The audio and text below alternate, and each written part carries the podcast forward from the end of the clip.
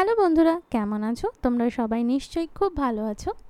আমি তোমাদের বন্ধু মধুরিমা, আরও একটা নতুন এপিসোড নিয়ে হাজির হলাম তোমাদের সঙ্গে খোলা চিঠির আড্ডায়। খোলা চিঠির আড্ডা মানেই নতুন করে বাঁচা। খোলা চিঠির আড্ডা মানেই মনের কথা মন খুলে বলার একটা মাধ্যম। আর তাই বেশ কিছুদিন ধরেই তোমরাও হয়তো লক্ষ্য করছিলে যে একটু গুরুগম্ভীর আলোচনা হচ্ছে কোনো দিন হয়তো পোস্ট করছি না কোনো দিন হয়তো মন খারাপ নিয়ে কথা বলছি কোনো দিন হয়তো একটু বাস্তব হয়ে যাচ্ছিলাম। আর তখনই আমার নিজেরও মনে হলো আজকে সকালবেলা উঠে যে আজকে বোধহয় একটু নতুন করে যদি আমরা ভাবি যদি আমরা একটা ফ্রেশ স্টার্ট করি আর যে কোনো কিছু নতুন করে শুরু করতে গেলেই আ, কোথাও গিয়ে পুরনো কিছু রঙিন স্মৃতিকে মনে করতে হয়।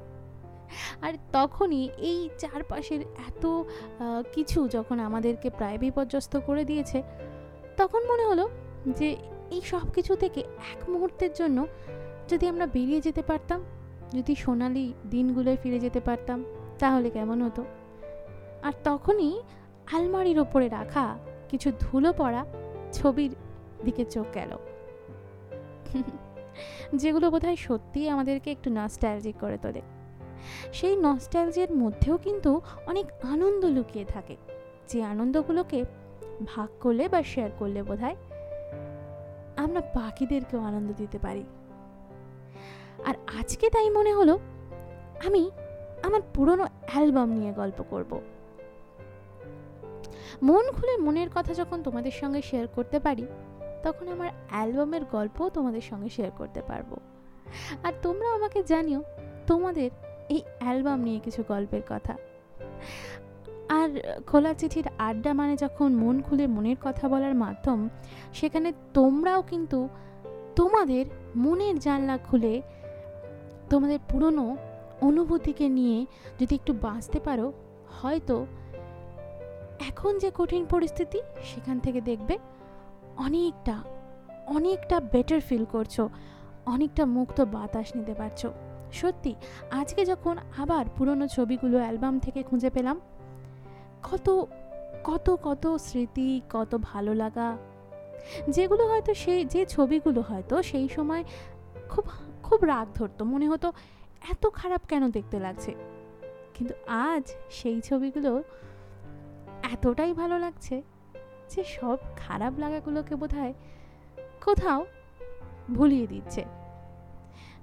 এই অ্যালবাম এমন একটা সুন্দর স্মৃতি রক্ষা করার একটা মাধ্যম যেটা বোধ হয় আজকাল আমরা ফেসবুক ইনস্টাগ্রামে প্রত্যেক দিন একটা ছোট্ট মোবাইল ফোনের মধ্যে স্টোর করে রেখেও কিংবা প্রত্যেক বছর টাইম লাইনে স্মৃতিগুলো ভেসে ওঠার মধ্যেও খুঁজে পাই না।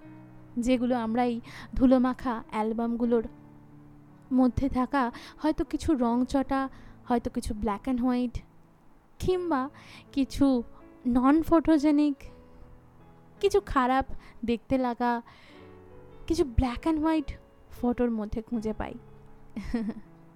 আর তাই বলছি যে প্রত্যেক দিনকার জীবনে যখন চলতে চলতে আমরা একটু ক্লান্ত, তখন ঘুরে দেখতেই পারি, ফিরিয়ে দেখতেই পারি সেই পুরনো স্মৃতিরগুলোর পাতা একটু উল্টে।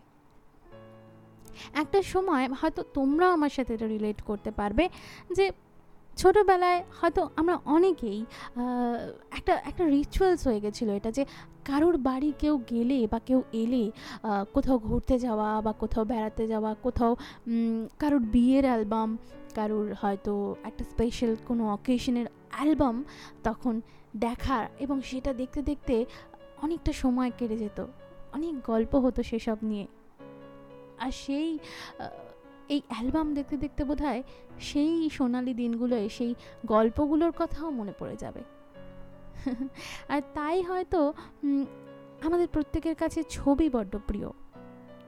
সেই ছবি দিয়ে তো আমরা হয়তো যে মানুষগুলোকে কোনোদিন চোখে দেখিনি মানে আমাদের হয়তো ঠাকুরদা বা তার বাবা বা তার দাদু, তাদেরকেও তো আমরা চিনতে শিখেছি। তাই সেইখানে বোধহয় কোথাও আমাদের অ্যালবামের সাথে তাই একটা নস্টালজিয়া লুকিয়ে আছে। তাছাড়া অ্যালবামের মধ্যে এমন কিছু স্মৃতি আটকে থাকে, যেগুলো সেই সময় আমরা ফিল করতে পারতাম না। আজ সেই ফটোগুলো দেখে হয়তো সেই সময়টাকে বাঁচতে পারি।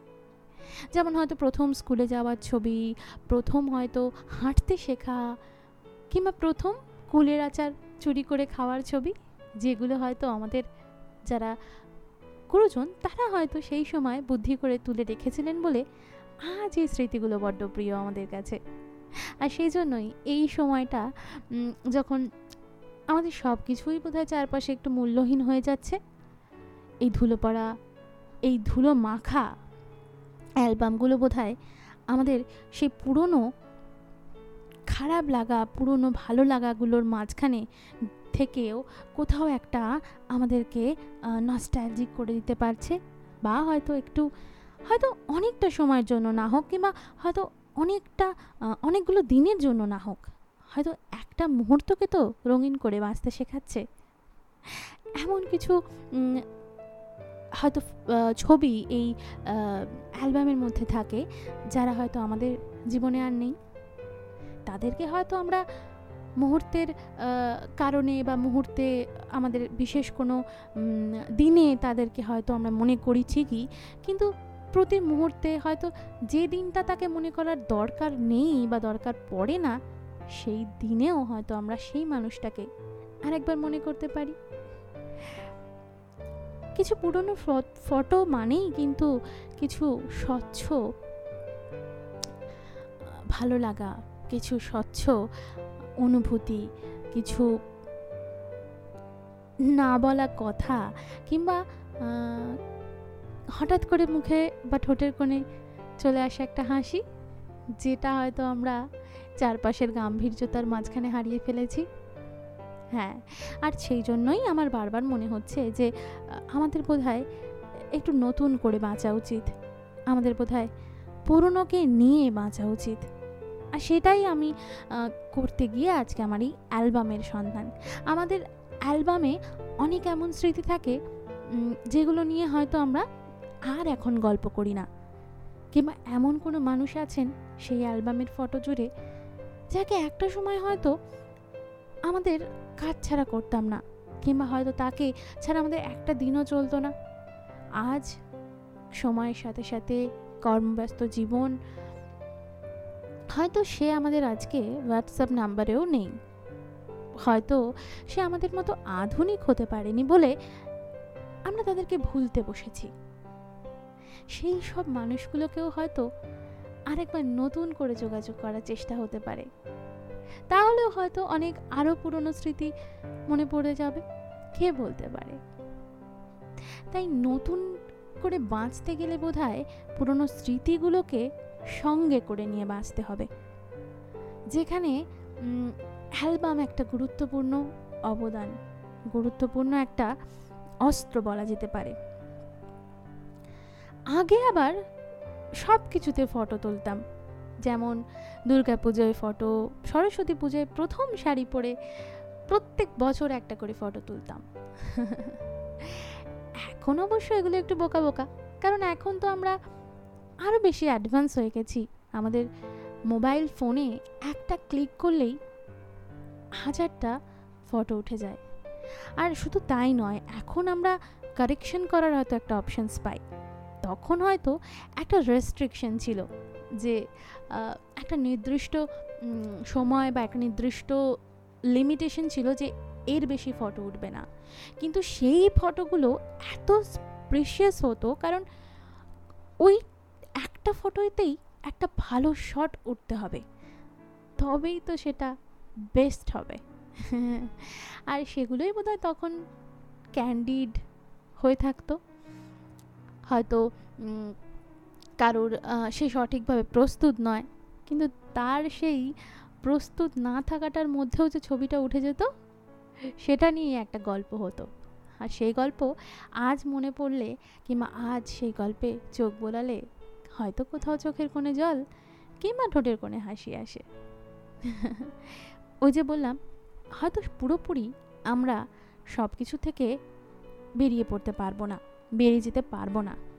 কিন্তু ক্যামেরাবন্দি কিংবা অ্যালবামবন্দি যে আমাদের পছন্দের মেমোরিগুলো আছে, সেইগুলো নিয়ে সেইগুলোতে ডুবে বোধহয় আমরা অনেকটা সময় কাটিয়ে দিতে পারব।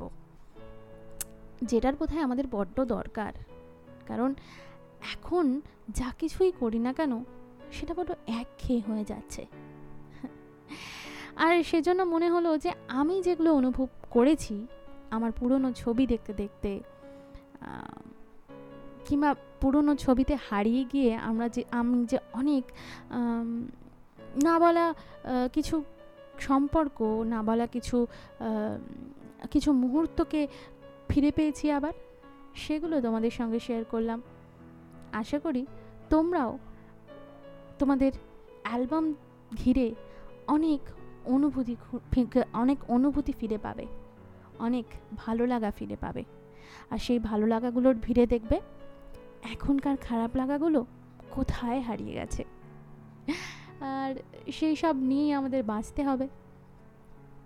অনুভূতি জয়, যাই হোক না কেন সেটা হয়তো খারাপ অনুভূতিও হতে পারে। তবে স্মৃতির পাতায় যদি কিছু অনুভূতি আমরা ফিরে পাই, সেগুলোকে বোধহয় নতুন করে বাঁচা যায়। তাই খুব ভালো থাকো। স্মৃতিতে বাঁচো। যে মানুষগুলোকে অনেক দিন কন্ট্যাক্ট করা হয়নি, স্মৃতির পাতা থেকে তাদেরকে আরও একবার মনে করে তাদেরকে যোগাযোগ করো। হয়তো দেখবে নতুন একটা পৃথিবীর সন্ধান পাচ্ছ। নতুন একটা জগৎ ফিরে পাচ্ছ। আজকে মধুরিমা তোমাদের সঙ্গে স্মৃতিতে পুরনো অ্যালবামে জমা থাকল তার আড্ডা নিয়ে। যাতে তোমরা বারবার আমাকে মনে করো। সেই আশা নিয়েই শেষ করছি আমার আজকের এপিসোড কেমন লাগল আমার আজকের এপিসোড জানাতে ভুলো না কিন্তু। আর সেই সঙ্গে খোলা চিঠি। ফলো করো। রোজ খোলা চিঠি। শুনতে থেকো আর আমার পাশে থেকো। তোমাদের সঙ্গে আড্ডা মারার এই মুহূর্তগুলো, প্রত্যেক দিনকার এই মুহূর্তগুলো আমার কাছে খুব স্পেশাল এইটুকু টাইম যখন আমি তোমাদের সাথে শেয়ার করি, সেটা যখন পরে নিজেই তোমাদের মেসেজ বা কমেন্টের মাধ্যমে চেরিশ করি, তখন মনে হয় this is the golden time of my life তাই এই স্মৃতিটাও আমার অ্যালবামে সুরক্ষিত থাকবে। তোমাদের জন্য। খুব ভালো থেকো, শুভরাত্রি। সঙ্গে রেখো খোলা চিঠি।